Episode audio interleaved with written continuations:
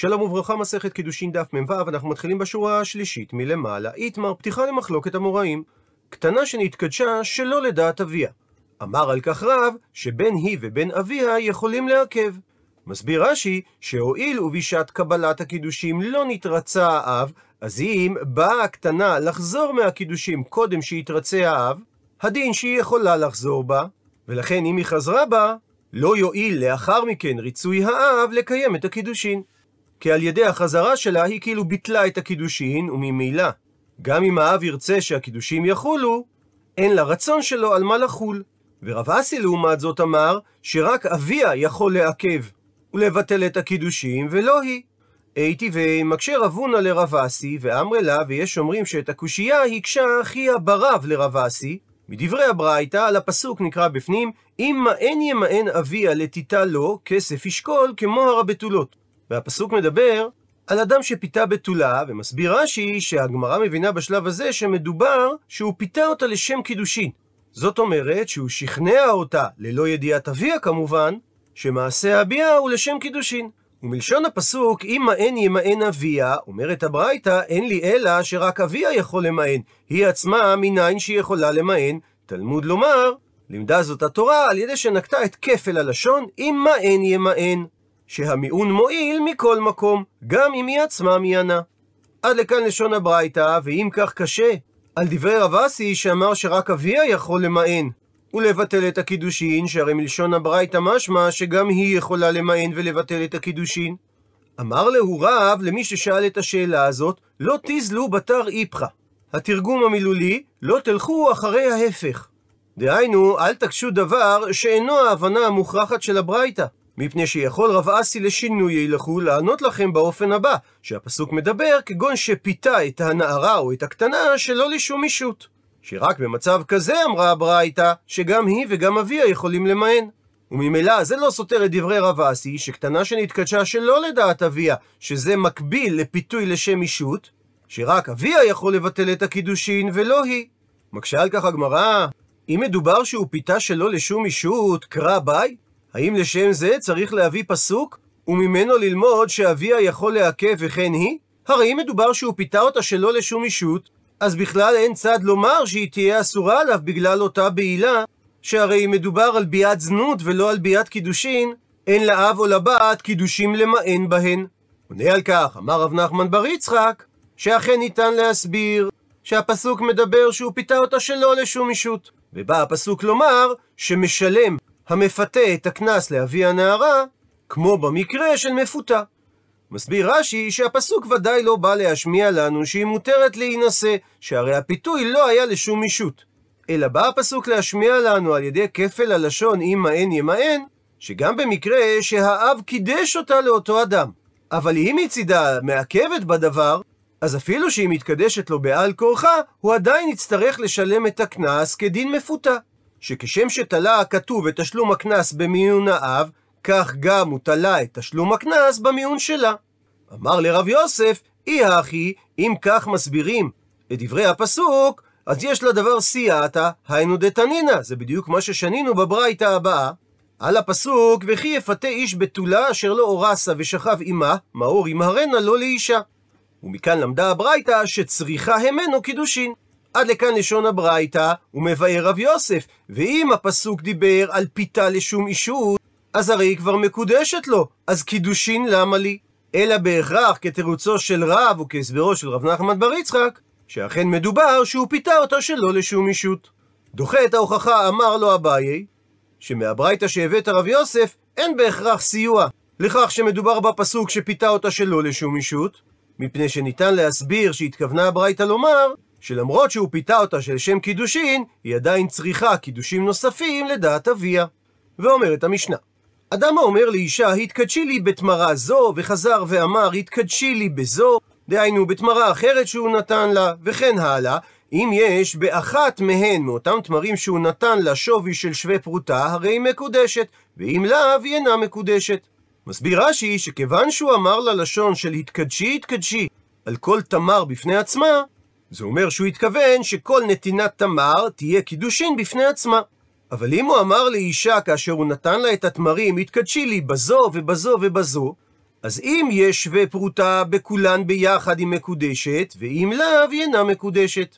כי מהלשון שלו משמע שנתינת כל התמרים הם מעשה קידושים אחד. וממשיכה המשנה, אם האישה, בשעה שקיבלה ממנו את התמרים, הייתה אוכלת ראשונה ראשונה, זאת אומרת, כל תמרה שהוא נותן היא אוכלת מיד, במקרה כזה הדין שהיא אינה מקודשת, עד שיהא באחת מהן שווה פרוטה. הוא מסביר רש"י שהגמרא תפרש ביחס לאיזה משני המקרים הראשונים נאמר הדין השלישי, ומה טעם הדבר.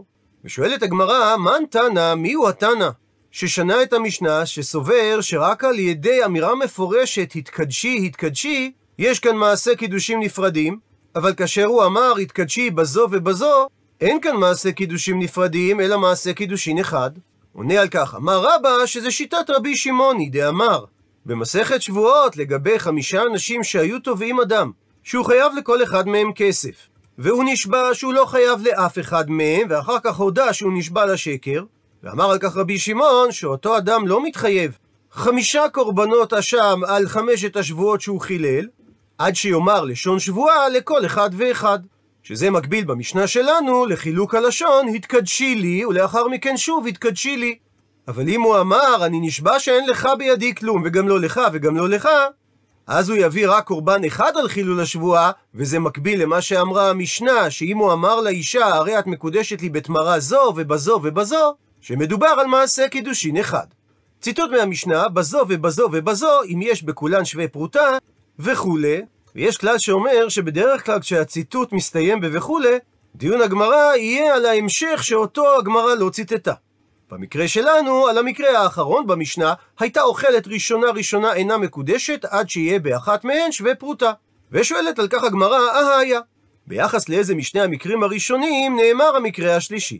אילי מה אם הוא נאמר ביחס הרישא, שהמקדש אמר לאישה, התקדשי לי בתמרה זו, התקדשי לי בתמרה זו, אז מה איריה, מדוע מדובר שהיא אוכלת? הרי אפילו מנחת נמי. גם במקרה שהיא לא אוכלת את התמרים, אלא מניחה אותם אצלה, היא לא תהיה מקודשת עד שיהיה באחת מהם שווה פרוטה.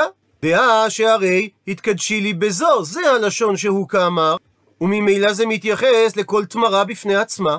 ואם כך, אין שום חידוש במקרה השלישי במשנה, אלא תאמר שהמקרה השלישי נאמר הסיפא?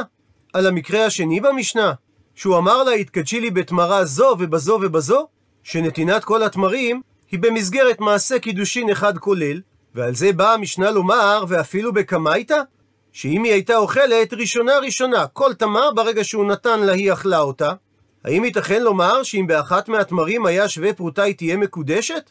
ואפילו אם זה היה בתמר הראשונה או השנייה שהיא אכלה, אף על פי שאין באחרונה שהיא עדיין לא אכלה שווה פרוטה? והמילווי, שכיוון שהקידושים לא נגמרו עד שהיא תקבל את כל התמרים, והיא כבר אכלה את הראשונה קודם שתקנה אותה בקידושיה, אז הרי התמרה הראשונה שהיא אכלה נחשבת מילווה לגביה. וכבר למדנו שאישה לא מתקדשת במילווה. אמר על כך רבי יוחנן, הרי שולחן והרי בשר והרי סכין, ואין לנו פה לאכול. וזו לשון מליצית שכוונתה לומר, שהרי יש לפנינו משנה שנויה, שנראה שההסבר שלה פשוט, אבל אין אנו יודעים לפרשה. ומביאה על כך הגמרא שני פירושים. פירוש ראשון, רב ושמואל אמרי תרוויו, שניהם אמרו שלעולם הדין האחרון במשנה מתייחס הרי אישה. למקרה הראשון, בו אמר המקדש, התקדשי לי בתמרה זו, התקדשי לי בתמרה זו. וביחס למה שהקשינו, מדוע נקטה המשנה שהיא אוכלת כל תמר בפני עצמה? הרי כך היה הדין גם אם היא הייתה מנחת אותם בידה. מסבירים רב ושמואל שהניסוח במשנה הוא בצורה של ולא מבעיה כאמר. זאת אומרת, המשנה לא אמרה את הדין הברור מאליו, אלא אמרה את השלב הבא שבא על גביו, באופן הבא. לא מבעיה, לא הייתה צריכה המשנה לומר שאם האישה מנחת את התמרה בידה, רק דאי איכא שאם יש בתמר שווה פרוטה אין, אכן היא תהיה מקודשת, והיא לא נמצא בשווה פרוטה אז היא לא מקודשת. שהרי הדין הזה אכן נלמד כבר במקרה הראשון במשנה. אבל באה המשנה לחדש, במקרה שהאישה אוכלת כל תמר שהיא מקבלת, אז הייתי חושב לומר, הואיל ומקר והנייתה, שהיות שמדובר על אכילה זמינה ומיידית, הרי היא גילתה את ליבה שהיא הייתה חפצה בהן. אימה, אז אולי תאמר שבכך היא גמרה ומקניה נפשה. שאפילו שאין בכל תמר בפני עצמה שווי של פרוטה, מוכח מאכילתה שהיא מוכנה להתקדש לו בכך. כמה שמלן באה המשנה להשמיע לנו שלמרות שהיא אכלה כל תמר, אם אין באחת מהתמרים שווה פרוטה, הקידושים לא חלים. הסבר שני, רבי עמי אמר שלעולם המקרה השלישי במשנה מתייחס הסיפא, למקרה שבו הוא אמר התקדשי לי בתמרה זו ובזו ובזו. וביחס למה שהקשינו, שהרי הקידושים לא נגמרו עד שהיא תקבל את כל התמרים והיא כבר אכלה את הראשונה, קודם שהיא קנתה אותה עבור הקידושין, אז הרי התמרים שהיא אכלה הופכים להיות מילווה לגביה, ואין אישה מתקדשת במילווה. על כך מסביר רבי עמי, ומהי הכוונה עד שיהיה באחת מהם שווה פרוטה? הכוונה עד שיהיה באחרונה שווה פרוטה. מכיוון שרק התמר האחרונה שהיא עוד לא אכלה, היא לא נחשבת כמילווה לגבה, ואם יש בה שווה פרוטה, יחולו הקידושין. לסיכום, הגמרא שאלה, ביחס לאיזה משני המקרים הראשונים נאמר המקרה השלישי במשנה. רב ושמואל הסבירו שזה נאמר ביחס למקרה הראשון, והחידוש שלמרות שהיא אוכלת כל תמר שהיא מקבלת, אין הקידושים חלים אם אין לפחות בתמר אחד שווה פרוטה. ורבי עמי הסביר שזה נאמר ביחס למקרה השני, והמילים עד שיהיה באחת מהם שווה פרוטה אינן מתייחסות לתמרים שהיא אכלה, אלא אך ורק לתמר האחרונה שהיא לא בגדר מילווה. אמר רבא, שמע מינא מדרבי עמי תלת, ניתן לדייק מדברי רבי עמי שלוש מסקנות. שמע מינא מסקנה ראשונה שהמקדש במילווה אינה מקודשת. ואת זה מסיק רבא מכך שרבי עמי התייחס בדבריו לתרץ את השאלה והמילווי, מה שאומר שלדבריו המקדש במילווה אינה מקודשת. ושמע מן המסקנה שנייה שהמקדש במילווה ופרוטה דעתה הפרוטה. ואת זה מסיק רבא על פי מה שהסביר רבי עמי, שרק אם יש בתמר האחרונה שווה פרוטה הקידושים חלים, ולא מתייחסים לשווי התמרים שהיא כבר אכלה. למרות שהוא קידש אותה באופן כללי על כל התמרים שהוא נתן לה. כפי שמשמע מהמקרה השני במשנה, כאשר היא מנחת את התמרים ולא אוכלת אותם, שאם יש בכולם ביחד לפחות שווה פרוטה, היא מקודשת. הרי שלגבי המקרה שבו היא אוכלת את התמרים, כך שהתמרים שהיא אכלה נחשבות כמילווה, והתמר האחרונה שהיא עדיין לא אכלה נחשבת כפרוטה שנמצאת לפנינו, ואמר רבי עמי שהיא מקודשת באחרונה, מה שאומר שהמקדש במילווה ופרוטה דעתה על הפרוטה. הפכנו דף, ושמע מינה מסקנה שלישית מדברי רבי עמי, שמעות בעלמא חוזרים. מסביר רש"י שכל התמרים שהוא נתן לה בתורת קידושין, ולבסוף הם לא היו קידושין, היות והיא אכלה אותם, אנחנו לא אומרים שהוא נתן לה אותם כמתנה, אלא כפיקדון, וממילא היא צריכה להחזיר לו אותם. ומהסיבה הזו, אמרה הגמרא שמה שהיא אוכלת ראשונה הופך למילווה. שכיוון שהיא אכלה את התמר והיא לא נמצאת בשעת גמר הקידושין, ממילא היא לא מתקדשת בהן, ואם כך זה נחשב כפיקדון שהיא אכלה אותו, ועל ידי אכילתה זה הפך למילווה. ומביאה הגמרא דיון דומה, איתמר פתיחה למחלוקת המוראים, המקדש אחותו. רב אמר שהמעות חוזרים למקדש, ושמואל אמר שהמעות מתנה, ולכן הם לא חוזרים למקדש. הוא מבאר כל אחד מהאמוראים את דבריו. רב אמר מעות חוזרים, מפני שאדם יודע שאין קידושים תופסים באחותו, וגמר ונתן לה את המעות לשום פיקדון. שואלת על כך הגמרא, ולימה לי, מדוע הוא לא אמר לה שהוא נותן לה אותם לשום פיקדון? עונה על כך רב, מפני שהוא סבר שאם הוא יגיד לה שהוא רוצה שהיא תשמור לו על המעות, היא לא מקבלה ממנו את המעות. ושמואל לעומת זאת סבר שאדם שמקדש את אחותו המעות מתנה, מפני שאדם יודע שאין קידושים תופסים באחותו, ולכן וגמר ונתן לה את המעות לשום מתנה. מקשה על כך הגמרא, ונעימה לה, מדוע שלא יאמר לה במפורש שהוא נותן לה את המעות לשום מתנה? עונה על כך שמואל, מפני שהוא סבר שאם הוא יגיד לה שהוא רוצה לתת לה את המעות במתנה, כסיפה לי מילתא, היא תתבייש מהדבר ולא תרצה לקבל ממנו את המעות. ולכן הוא נותן לה אותם במתנה במסווה של קידושין. מיטיב מקשה רב רינה על דברי שמואל, שיש משנה במסכת חלה שאומרת כך, המפריש חלתו, אבל לא מהעיסה, אלא בעודה קמח. הדין שזה אינו חלה, מפני שכתוב בפסוק ראשית הריסותיכם. דהיינו שהפרשת חלה היא רק משלב העיסה, ולא משלב הקמח. וגזל הקמח הזה ביד כהן, אם הוא אינו מחזירה לבעלים.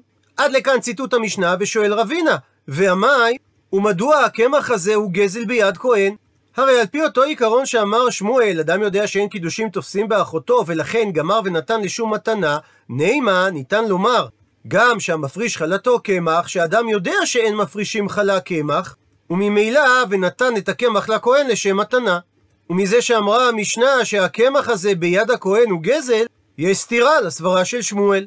מתרצת הגמרא, שאני האטם, שונה שם הדין בהפרשת חלה בשלב הקמח, דנפיק חורבא מיני. שיכולה לצאת תקלה מהדבר. זימנין כי לפעמים דאית לה שיש לו לכהן פחות מחמש רבעים קו קמח, שזו הכמות המחייבת הפרשת חלה, והי אליש לי בהדי הדדי. והוא ילוש את הקמח שיש לו עם הקמח הזה שהוא קיבל מהישראל כהפרשת חלה. וכסבר הכהן שניתקנה עיסתו שהוא לא צריך להפריש ממנה חלה, ועתי למיכלה בטיבלה. והוא יבוא לאכול ממנה כאשר היא תבל, כי היא בעצם חייבת בהפרשת חלה.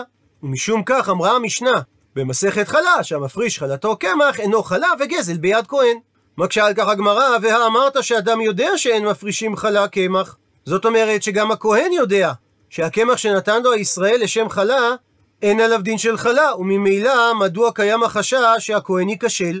מתרצת הגמרא שזה שאדם יודע שאין מפרישים חלה קמח, הכוונה שהוא יודע ואינו יודע. זאת אומרת, הוא יודע שאין מפרישים חלה קמח, ואינו יודע מה סיבת הדבר האמיתית. דסבר הכהן שטעמה יומי שאין מפרישים חלה קמח משום טרחא דכהן, אבל היות שאומר הכהן לעצמו וטרחא דכהן אכילתי, אני הרי מחלתי לו על כך שהוא הביא לי את הפרשת החלה בשלב הקמח, ואם כך, יש דין הפרשת חלה על הקמח הזה, ולכן אמרו חכמים שהמפריש חלתו קמח אינו חלה וגזל ביד כהן, כי הדבר יכול להביא לידי תקלה. ממשיכה הגמרא ומקשה, למה הזקיקו את הכהן להחזיר את הקמח מחמת תקלה זו? ותהווה תרומה ולא תאכל עד שיוציא עליה חלה ממקום אחר.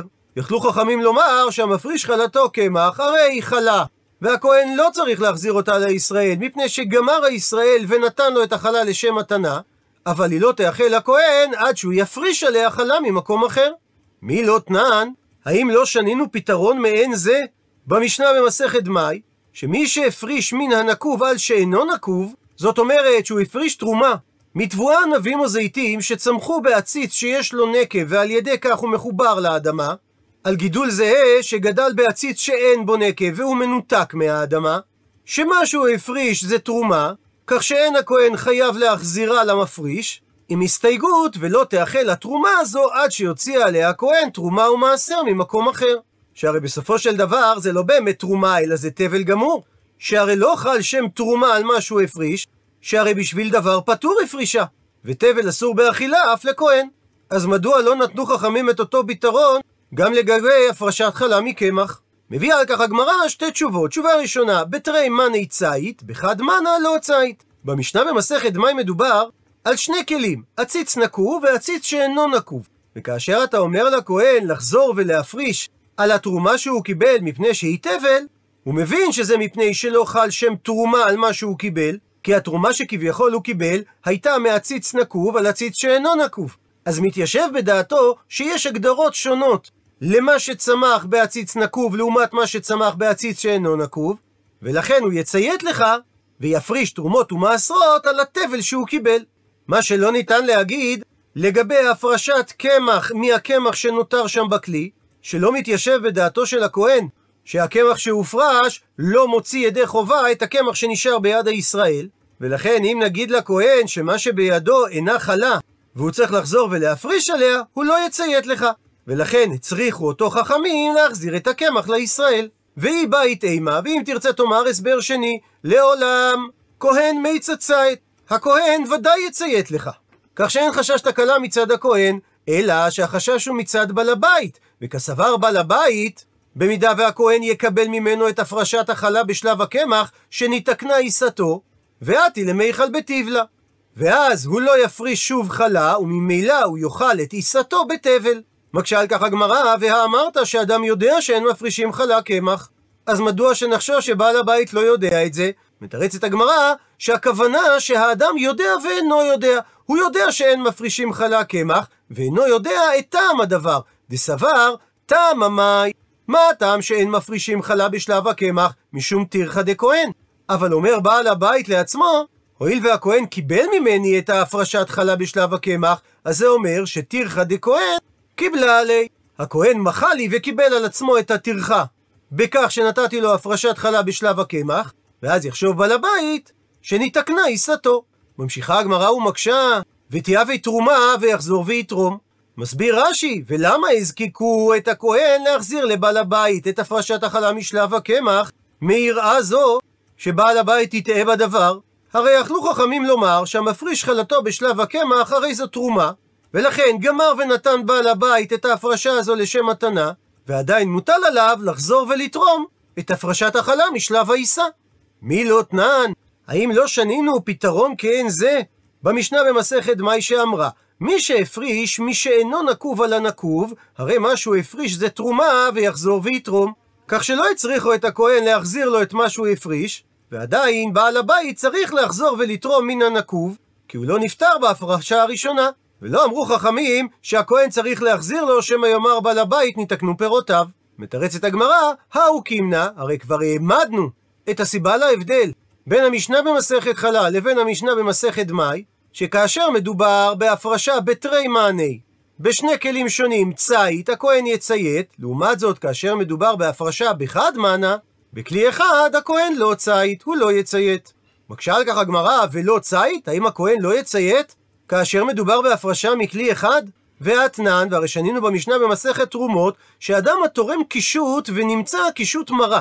או שהוא תרם אבטיח ונמצאת האבטיח שהוא תרם שרוח. אומרת המשנה שמה שהוא תרם זה תרומה ויחזור ויתרום.